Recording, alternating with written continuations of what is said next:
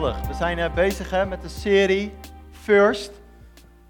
Uh, wat echt belangrijk is, prioriteit ook nummer 1 laten zijn. Ik wil beginnen met het thema vriendschap. Vandaag vriendschap met God. Maar eerst algemeen vriendschap. Erg belangrijk, want vriendschappen verrijken je leven, maar vriendschappen zijn ook vaak ingewikkeld, als ik, uh, als ik eerlijk ben. Vriendschap is niet altijd makkelijk. Teleurstelling, Waarom moet het altijd van mijn kant komen? Wie herkent die vraag? Of ben ik de enige die dat, uh, ja, gelukkig eentje. Of van, uh, waarom doet die ander niet zoals ik? En uh, plant hij een beetje zijn agenda richting mij? Vriendschappen, heel mooi, heel kostbaar, maar soms ook gevoelig en pijnlijk. Vriendschap. En ik denk van, ehm, ehm, ik vind het soms lastig om een vriend te zijn. Een tijdje geleden was ik aan het bidden en toen zei ik, Heer, wat wil ik in het nieuwe jaar echt graag leren om een goede vriend te zijn? Meer, beter, betere vriend. Waarom? Omdat het een weerspiegeling is van het hart van God. God is een, een vriend. God is een man van relatie. Hij is een papa die geniet van intiem contact. Als wij intiem contact hebben, geniet God. Want hij is een, een, eh, een intiem relatiewezen. Zo is hij. Als je heel de Bijbel leest, dan, dan lees ik daar als rode lijn van kom dichtbij. Dicht bij elkaar, van hart tot hart, maar ook met mij. Kom dichtbij. En vandaag wil ik echt kijken, als je uh, langer deel bent van Connect Kerk, weet je dat we drie speerpunten hebben. We willen naar buiten gericht zijn, willen naar binnen gericht zijn en we willen naar boven gericht zijn. Nou, deze valt echt onder naar boven gericht zijn. Um, en ik wil kijken naar intieme relatie met God aan de hand van een stad. Of eigenlijk naar de kerk in een stad, in de stad Efeze. En uh, ik dacht van, uh, eigenlijk wil ik gewoon heel veel over die stad en die, die kerk vertellen, maar dat is best wel heel veel in een korte tijd. Maar ik dacht, joh, het is Connect Kerk, allemaal slimme mensen, intelligent, gaat helemaal goed komen. Dus we gaan even in een paar stappen, waar anderen misschien een paar uur over doen. Ik denk, gaan we even in een paar stappen doorheen. Even kijken, de eerste is al geweest, gaan we door. Als die sheets niet kloppen, dan ligt het nooit aan degene die de sheets doet. Het ligt echt aan mij, want ik ben uh, een, uh, een, creatieve geest, zeg maar, om het positief te, te, doen. Dus we gaan vandaag weer alle kanten op. Nou, Efeze, het ligt daar zo, Epaphus in het Engels, van het ligt in Turkije. Nou, de kerk natuurlijk geboren vanuit Jeruzalem, verspreid naar de, daar zo. Even kijken, de volgende. Ja, we gaan even doorheen. Nou, waar ligt Efeze? Dat hebben we gezien. En Efeze was een grote havenstad. En door die haven, het was een soort Rotterdam, Antwerpen in één, aan die, aan die kust. En enorm belangrijk voor die hele regio. Een financiële centrum was daar gevestigd. En Efeze was vooral bekend vanwege een enorme grote tempel. Dat was een tempel, een van de zeven wereldwonderen. Gaan we straks naar kijken. En die tempel was opgedragen als eerbetoon aan de dochter van Zeus. En dat was in de ene taal Diana, in de andere taal uh, Artemis. En vanuit heel die regio kwamen mensen daarheen om daar die God te aanbidden, om daar kracht en liefde van te ontvangen. En eigenlijk was die tempel een sekstempel. Waarom? Omdat die uh, Diana, Artemis, dat was een, een, een godin van de jacht. Nou, die tijd natuurlijk super belangrijk, maar ook van de vruchtbaarheid. En vandaag de dag is Efeze nog steeds bekend als een, uh, als een toeristenstad. Nou, we gaan even wat plaatjes bekijken. Hier was die uh, tempel, gigantisch groot, massa's mensen, echt een toeristische pleister, maar ook een religieus bolwerk. Heel die stad was gericht en gefocust. Dag en nacht hoorde je uh, geluiden, hoorde je mensen richting die tempel gaan. Dan de volgende. Nou, er is nog steeds heel veel van over. Heb je nog geen vakantie gepland, je hebt een zak met geld uh, en je houdt van dit soort dingen, ga erheen zou ik zeggen. Volgende plaatje. Ja, best wel mooi hè. Volgens mij is dat de biep die nog overgebleven is. Even kijken, dat was het volgens mij. Ja, en in, die grote, in dat grote bolwerk van seksualiteit, religie, echt een wereldstad. Je moet je echt voorstellen. Je had natuurlijk Rome, maar als tweede stad was daar echt Efeze, een soort Parijs en Londen in één. Echt gigantisch belangrijk. En uh, daar wordt de kerk van Jezus geboren. En het begint in het begin met Paulus. Paulus, weten we allemaal, of niet, maakt niet uit, tot bekering gekomen, krachtig, plotseling. Soms is het een proces, bij hem was het bam, plotseling. Eerst een hater van God, toen een liefhebber. Hij was in Athene en die man was altijd in beweging. Had hij de ene gemeente gepioneerd als een vaderfiguur, ging hij naar de volgende. Hij was in Athene en had zoiets, ik ga naar Korinthe toe. En daar was een Joods echtpaar, Paulus was ook een Jood, een mooi Joods echtpaar, Aquila en Priscilla. Die waren gevlucht vanuit Rome, omdat de keizer had gezegd, elke christen wegwezen of ik vermoord je. Nou, dat was tragisch. Het mooie was, het evangelie ging verspreid. Iedereen uit een comfortzone om het evangelie te vertellen. En dat echtpaar zei tegen Paulus, kom bij ons wonen, kom bij ons werken, dan bouwen we samen de gemeente. En dat deden ze.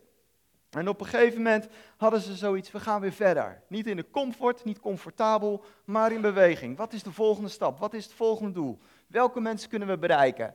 En dan gaan ze op een gegeven moment naar de synagoge, Joodse mensen, daar zo in die grote wereldstad Efeze. Dus een enorm bolwerk, hele kleine synagoge denk ik, in Efeze.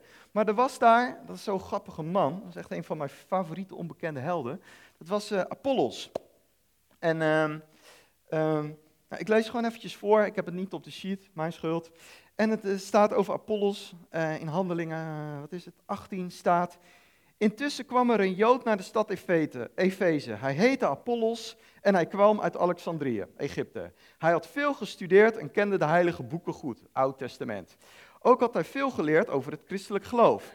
En Apollos sprak heel graag over Jezus. En de dingen die hij vertelde klopten allemaal. Maar over de doop wist hij eigenlijk heel weinig. Hij kende alleen de manier waarop Johannes de Doper mensen gedoopt had. En in die uh, synagoge begint op een gegeven moment Apollos weer te vertellen over Jezus. Zonder angst, volle vrijmoedigheid, in een Joodse mindset. En Priscilla en Aquila die hoorden dat zo. En die dachten van, uh, het is leuk wat hij vertelt, maar hij weet eigenlijk best wel, hij is vurig, hij kent de schrift, maar hij weet nog heel weinig. Dus die namen hem mee naar huis en die zegt, joh, wij kennen Paulus. Wij willen je verder helpen. Wij leren van, van de Alpha-cursus naar de volgende cursus. En zo gezegd, zo gedaan. En zo begon die gemeente ehm, te groeien en te groeien. En op een gegeven moment is Paulus daar ook. En die, ehm, eh, die zegt van jongens, dit staat nu. Ik ga naar de binnenlanden van Efeze. Groot, hij maakte eerst een reisje. Kwam hij weer terug en zei hij van ik ga naar de binnenlanden van e- Efeze om het evangelie verder te vertellen. En de vraag die bekend gedeelte aan zijn groep leerlingen treft hij daarvan hebben jullie de Heilige Geest ontvangen? En hun zeggen, wie, wat, wat voor geest? De Heilige Geest. Nooit van gehoord. En dan zegt hij maar, hoe zijn jullie dan gedoopt? Met de doop van, van, van Johannes. Dat was alleen een doop van bekering. Allemaal kinderziektes in die kerk en dat hoort erbij. Wij als Connect-kerk zijn bijna vijf jaar onderweg. En kinderziektes, dingen als je achteraf kijkt dat je denkt, dit had beter, dit had anders. Dat hoort erbij. Paulus is daar geen oordeel, maar die zegt, oh jullie zijn eigenlijk al een tijdje onderweg, maar jullie weten nog steeds niet over de Heilige Geest. Weet je wat? Ik bid voor jullie. Dat je, en ze werden gedoopt met water, werden gedoopt met de Heilige Geest.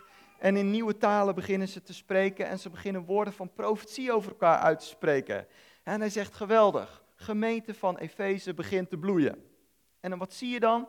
Dat, uh, dat, dat Paulus uh, elke keer naar de synagoge gaat om daar over Jezus te vertellen. Maar er was een klein groepje die maakte hem steeds meer bespottelijk. Die deed steeds negatiever over hem.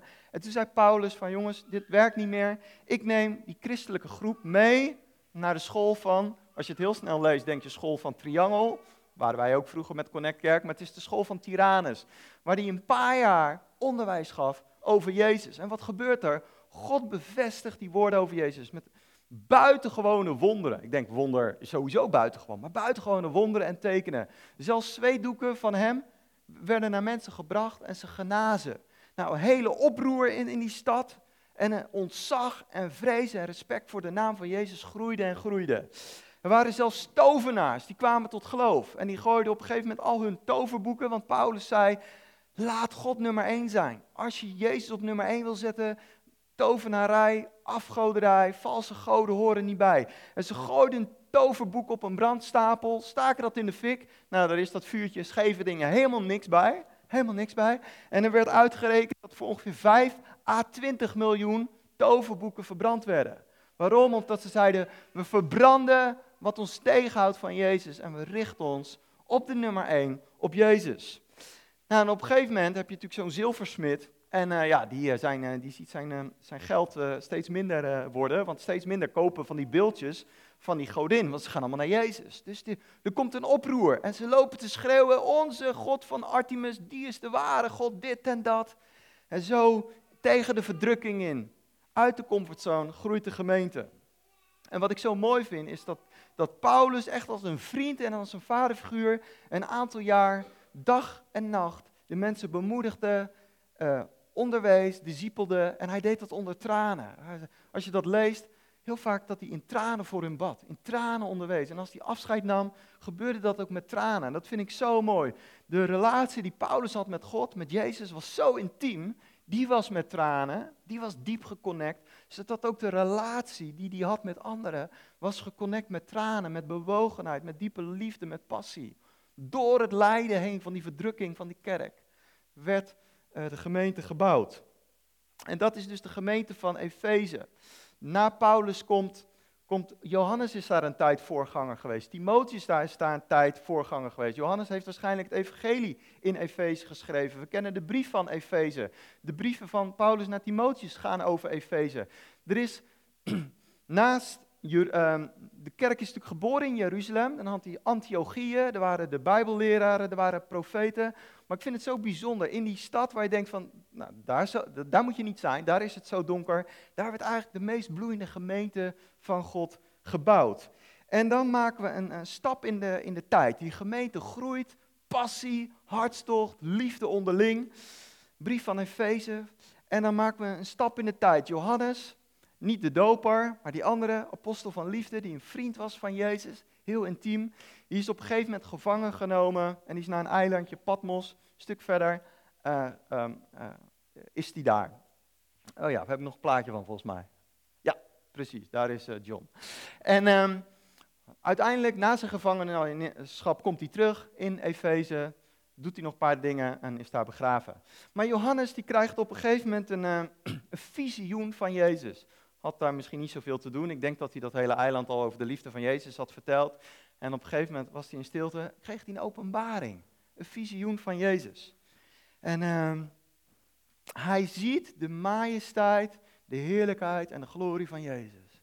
Moet je je voorstellen, dat je, dat je opeens op de dag van de Heer staat er een indrukwekkend beeld krijgt, een visioen van de majesteit, van de heerlijkheid van de opgestane Jezus. En Johannes, die hem dus kende als vriend op aarde, die valt als dood voor hem neer. Vol ontzag, vol aanbidding. Wat een heiligheid, wat een schoonheid, wat een majesteit, wat een liefde, wat een pracht. En ik denk dat Johannes zoiets had van, ik wil hier nooit meer weg. Ik wil hier, hier blijven, zo intiem, zo met Jezus. En zegt Jezus, het is zo mooi dat je van mij mag genieten, maar ik heb een opdracht. Je moet brieven schrijven naar de gemeentes. En uh, zo zegt, de, zo zegt Jezus. Dus hij is diep onder de indruk van Jezus, de geliefde zoon van de Allerhoogste, maar hij krijgt een opdracht. En hij zegt van, je mag een uh, brief schrijven naar de gemeentes.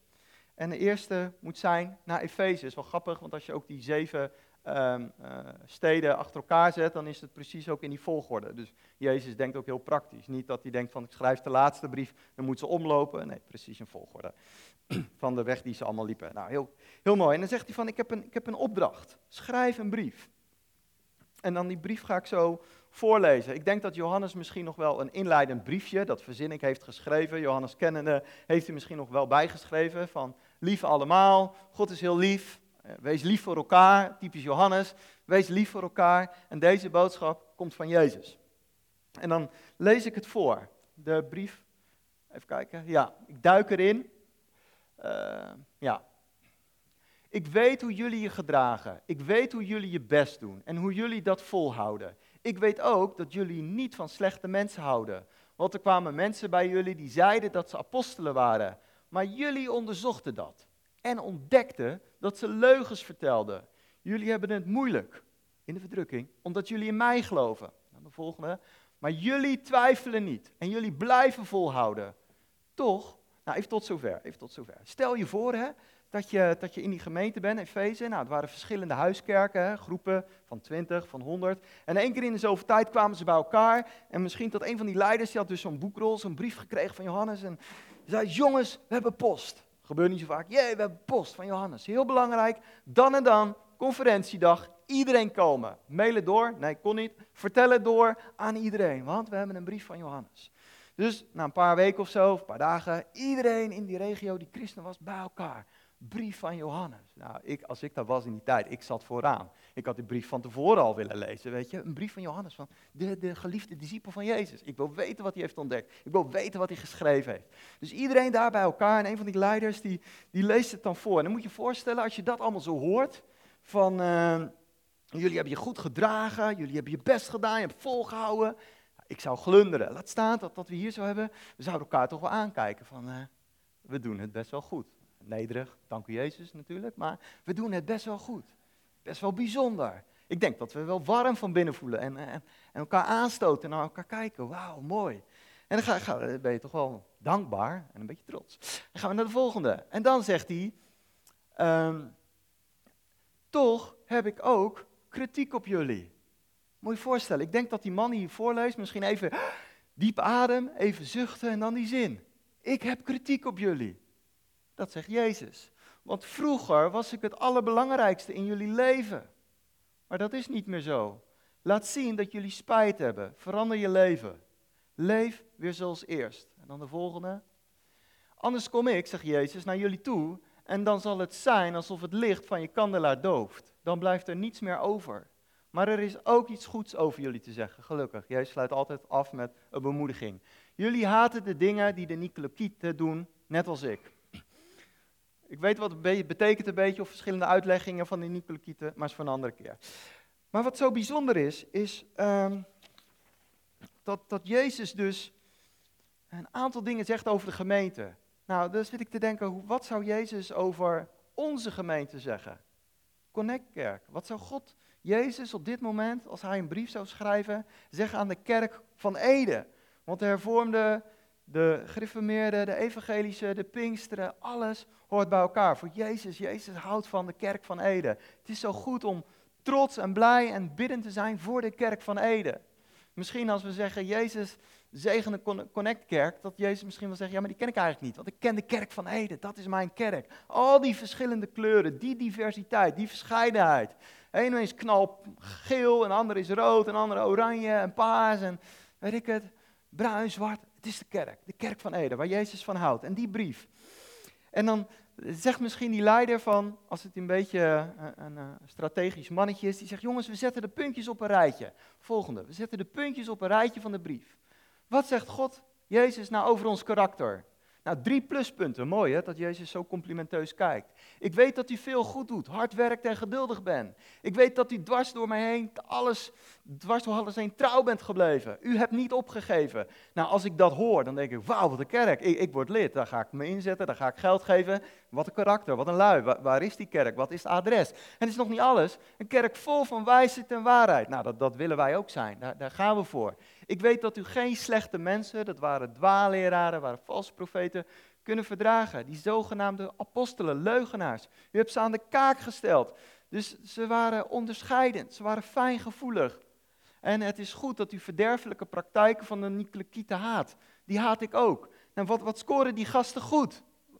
Dan denk je, wat fantastisch. Wat een leiderschap. Nou, mag ook wel met Paulus, Johannes, Timotheus. Dan mag ook wel wat goed uitkomen, toch? Wat een, wat sterke helden.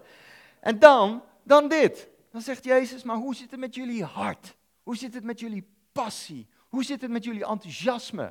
En dan zegt hij, ik heb één ding tegen u. U houdt niet meer zoveel mij als in een andere periode, staat er letterlijk. En je kunt dit heel veroordelend lezen. Van jullie doen het niet goed, jullie zijn fout, schuld, schuld, slecht. En we moeten harder ons best doen en presteren en fout. Maar als je het hart van God kent, God heeft zoiets, ik zie potentie, ik zie talent, ik zie dat jullie de stad kunnen veranderen. Ik zie dat jullie invloed kunnen hebben op eenzamen, op gebroken, op kwetsbaren. Maar ik zie een gevaar dat jullie een beetje lauw worden. Dat zegt hij in een andere gemeente. Jullie zijn lauw aan het worden. En is het eigenlijk niet mooi? En is het niet krachtige liefde dat Jezus scherp is? Mag Jezus scherp zijn? Mag Jezus scherp zijn? Niet om ons af te breken, maar ons op te bouwen. Om ons te waarschuwen, om ons te confronteren. Ik hou van Jezus. Weet je waarom? Omdat hij scherp en eerlijk is. Als je je verdiept in andere godsdiensten of filosofieën, dan is het soms slap. Maar Jezus, die durft zo goed de vinger op de zere plek te leggen. Dat vind ik zo mooi. Dat vind ik zo confronterend en mooi. Dat de scherpte van Jezus. En dan zegt hij van, eigenlijk is het ook een compliment wat hij eerst zegt. Jullie liepen zo hoog. Jullie liepen op die hoge weg van liefde. Jullie liepen zo, zo goed, zo mooi, zo krachtig. Maar jullie zijn gevallen. Jullie zijn gevallen. De message-vertaling zegt: Het is als een val van Lucifer. Jullie waren zo hoog, zo goed bezig in liefde, in passie, in hart. En jullie zijn gevallen. Doe dat nou niet. En ik ben bijna twintig jaar christen en ik moet herkennen. Een aantal keren in mijn leven ben ik diep gevallen. Niet goed omgegaan met teleurstelling, lauwheid. Uh, dat ik te makkelijk over zonde dacht. Dat God dingen zei die ik niet deed. Dat ik ook van die hoogte gevallen ben. En ik heb eigenlijk nog geen christen ontmoet die dat niet heeft gehad in zijn leven. Dat je merkte, passie is geroofd. Enthousiasme door teleurstelling, door drukte. Allerlei passiedovers. Wie herkent dat? Passie van die, van die doeken, die natte doeken die je passie naar beneden halen. Die brandblussers die die passie doven. Maar dan zegt Jezus niet van nou, uh, ik geef het gelijk op met jullie. Nee, Jezus zegt van ik heb een, heb, een, heb een opdracht. Heb een opdracht. Keer terug naar de liefde. En ik denk dat het best wel shocking was voor deze gemeente. Ik denk dat die gemeente, als ik dat zo lees, dat waren echte, ja, echte doorzetters. Het waren eigenlijk geestelijke militairen. Gaven niet op, niet kapot te krijgen door de verdrukking heen, door de tegenslag. Militaristische krachtpatsers, waar ik jaloers op ben. Geven niet op. En ook in theologie. Wat een wijsheid, wat een waarheid. Weet je, als ze boeken verkochten, nou dat ging als uh, broodjes over de dingen heen, want ze zaten vol met wijsheid. Maar dan zegt Jezus van, ik, ik heb iets tegen je. Nou, dat zou wel shockend zijn als Jezus tegen jou zegt, ik heb iets, iets tegen je. Maar dan is het heel belangrijk om het hart van Jezus te kennen. Jezus deed dat niet om je onderuit te halen. Maar elke vorm van correctie, elke vorm van scherpte die Jezus door zijn woord spreekt, komt vanuit liefde. Het is een bewijs van zijn liefde dat hij ons af en toe terugfluit. Dat hij ons confronteert. Hij wil ons discipelen, hij wil ons opvoeden. En daarbij hoort af en toe even apart zitten en zeggen van, dit kan beter, dit kan anders. En zeg maar, wat ik merk, dat ik als Nederlander en ook mijn generatie heel veel moeite heb om dingen te laten gezeggen. Een beetje lastig woord, maar ik weet wel van een oudere generatie, als je dan iets zei, dan deden ze dat makkelijker. Maar ik heb zoiets, kom met een goede reden, en waarom ik, en dit en dat. En een stukje onderwerping, een stukje luisteren is daarin heel belangrijk. En dat is wat Jezus zegt, van keer terug naar naar passie. En passie heeft heel veel te luisteren naar God. Als je passievol bent voor God, dan wil je naar hem luisteren, wil je hem gehoorzamen. En Jezus zegt, ik wil dat jullie weer opnieuw passievol worden. En dan zegt Jezus iets van, ga terug naar de eerste liefde. En als je denkt aan eerste liefde, dan denk je aan het moment dat je bekeerd bent. Misschien voor sommigen een half jaar geleden, voor anderen dertig jaar geleden. Maar als je kijkt naar dat woordje eerste, dat is het woordje protos. En dat kan je vertalen op twee manieren eerste kan je vertalen in, in rangorde van tijd. Dus de eerste liefde is inderdaad voor mij uh, eh, 1997. Want toen ben ik bekeerd. En kwam ik in vuur en vlam voor Jezus. En in dit eerste half jaar, die roze wolk, herken je dat eerste wolk? Ik heb heel veel goede dingen gedaan het eerste half jaar. Vol passie, vol vuur. Maar mensen, kinderen, wat was ik een stuiterbal. Wat heb ik veel mensen gekwetst en pijn gedaan. En was ik een, uh, alle kanten op. Ik was passievol, maar onvolwassen onvolwassen man.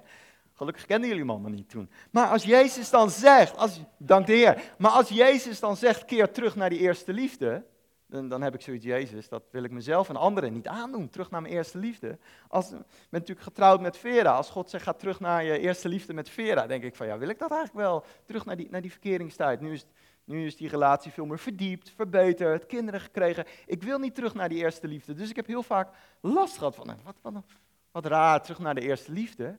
Maar eerste kun je dus vertalen in tijd, maar je kunt ook eerste uh, vertalen naar rang. Nog een voorbeeld te geven, als ik zeg, Sven Kramer was de, is de, uh, opnieuw de protos, kun je zeggen, hij was de eerste schaatser van Nederland. Nou, ik weet niet of hij, hij was natuurlijk niet de eerste schaatser, want uh, 100 jaar geleden al die Elfstedentochtrijders. Ik kan ook zeggen, hij was de eerste, de snelste, de beste. En daar gaat het om. Als Jezus zegt, ga terug naar je eerste liefde, dan zegt Jezus, ga terug naar de tijd dat je beste liefde was. Nou, heel vaak is dat wel in de eerste periode zo. Maar misschien dat je zegt van, nou, twee jaar geleden of vier jaar geleden had ik geestelijk gezien zoveel passie, zoveel hartstocht. Wat was jouw beste tijd? dan gaan we naar de volgende sheet. Wat, wat was jouw beste tijd? Met God? En een ehm, aantal vragen. Waar, waardoor kwam dit nou? Waardoor kwam dit dat het zo'n goede tijd was? Dus eerst even, wanneer, als je terugkijkt, vijf jaar met God, 40 jaar met God. Wanneer was jouw beste tijd? Welke periode? En waardoor kwam dit nou? Waardoor kwam het dat, het, dat als je terugkijkt, dat het zo'n vurige, hartstochtelijke periode was? Waardoor kwam dit? Maar ook kwam het door invloed van mensen? Ging je toen met bepaalde mensen om? Of juist niet om? Ik merk dat ik vurige mensen om me heen nodig, hebben, nodig heb, zoals, Oscar en anderen die vurig zijn, enthousiast, vol geloof, om zelf vurig te blijven. Invloed van mensen. Anderen, wat deed je toen wat je nu niet meer doet? Die periode dat je zei, ja, toen was ik in vuur en vlam. Misschien dat je heel veel mensen het evangelie vertelde, misschien gebedsleven, misschien had je veel meer rust in je leven, minder zorgen. Wat was het? Wat deed je toen wat je nu niet meer doet?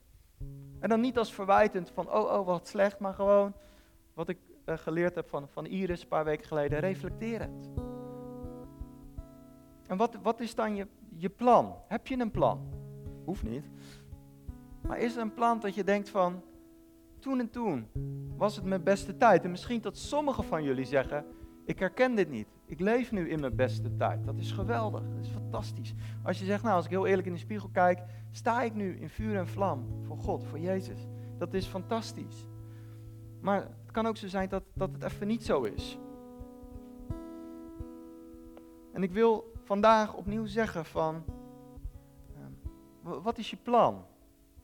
En mag God dat bepalen? Ik kan dat niet zeggen voor jou wat bij jou werkt. Dat is tussen jou en God. Wat kan jou helpen? Welke keus kan je maken om te zeggen dat helpt mij om in vuur en vlam te staan voor God?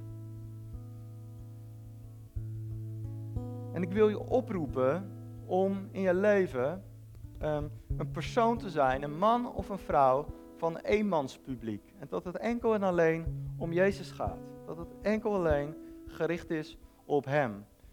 Ik wil afronden met, met een verhaaltje wat me zo diep raakte en ook confronteerde. En wat, wat ik, door het verhaaltje eh, kreeg ik een stuk berouw in mijn hart. Het was het volgende. Was een geweldige pianist. En die uh, gaf over de hele wereld concerten. Over heel de wereld. Grote theaters, grote duizenden mensen die luisterden. En eigenlijk als hij klaar was met twee uur muziek maken op de piano, vaak heel veel applaus. En lovende recensies. En mensen die schreeuwden, we want more, we want more. Fantastisch applaus. En toen kwam hij in een of andere talkshow en toen vroeg die interviewer van, joh, na jouw uh, concerten krijg je zoveel applaus, zoveel lof, zoveel lovende recensies. En, en, en, welke stad, welke concertzaal heeft jou nou het meest geraakt? Van al die wereldsteden waar je hebt opgetreden, wat heeft jou nou het meest geraakt? En toen zei die man, hij zegt dat was ergens waar mijn uh, pianoleraar was. Oh, hoe reageerde die dan? Nou, die pianoleraar die zat een beetje aan de zijkant. En aan het einde van het concert van twee uur zei die pianoman alleen. En die knikte heel tevreden. Hij zei, in mijn leven was ik gericht eigenlijk van wat vindt mijn pianoleraar ervan? Dat was mijn referentie. Hij zegt, van jongs af aan heb ik geleerd dat ik dat het eigenlijk niet zo interessant vond wat die andere cursisten van vond. Of wat het publiek of de plaatselijke krantje van vond. Nee, ik was gericht op wat vindt mijn pianoleraar ervan. Want die kent mij en die is eerlijk en die is scherp.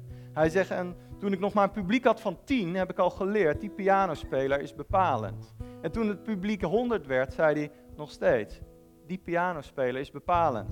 En toen het publiek duizenden werd, zei hij, die pianospeler is bepalend. En toen ik dat hoorde, dat was gewoon, toen dacht ik, Jezus, Hemelse Vader, u bent mijn pianospeler. U heeft mij gemaakt. Ik ben gemaakt door u. U zegt dat ik. Eh, in, in Efeze staat ook. We zijn Gods meesterwerk, Gods kunstwerk, Gods maaksel. Natuurlijk is het goed om feedback en correctie van jullie allemaal te ontvangen. Maar ten diepste, na het einde van dit leven, ben ik gemaakt voor een eenmanspubliek. Naar Jezus toe. Was u nummer één. En elk, als ik weer afgegleden ben, wat mij heel vaak gebeurt, kom ik dan elke keer weer terug. Elke keer terug van Heer, ik heb uw liefde nodig. En wat zo apart is, is dat in Efeze heeft Paulus een brief op een gegeven moment in de tijd geschreven. En dan bidt hij voor de Efeze. En dan zegt hij, Efeze vrienden, ik bid dat jullie uh, openbaring zullen krijgen in het kennen van God. En ik denk van ergens hebben ze misschien dat niet zo serieus genomen. Het kennen van, uh, van Hem. Zo belangrijk, het kennen van Hem. En uh, even kijken hoor, hoe we het gaan afronden.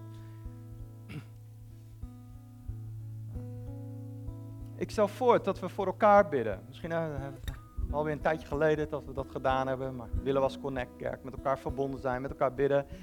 En, en, misschien dat je het gewoon herkent. Dat je herkent van, joh, door de zorgen van, de van mijn leven, teleurstellingen in mijn leven, ben ik een beetje gevallen. Misschien niet helemaal hier, maar misschien een klein stukje. Dat je merkt, passie is geroofd, enthousiasme is geroofd. En uh, misschien kun je dat gewoon, terwijl de aanbiddingsteam lekker mag gaan bidden, gewoon even aangeven aan je buurman, buurvrouw of uh, achterbuurman. En dan willen we in kleine groepjes, twee, drie, vier, voor elkaar bidden. En niet van je doet het allemaal fout. Nee, ik zegen je met nieuwe passie, met nieuwe liefde. Dat de liefde van God je opnieuw zal aanraken. Ja, zullen we dat uh, doen? Kleine groepjes, drie, vier. Als je elkaar niet kent, zeg even, zeg even je naam en dan uh, gaan we dat even doen.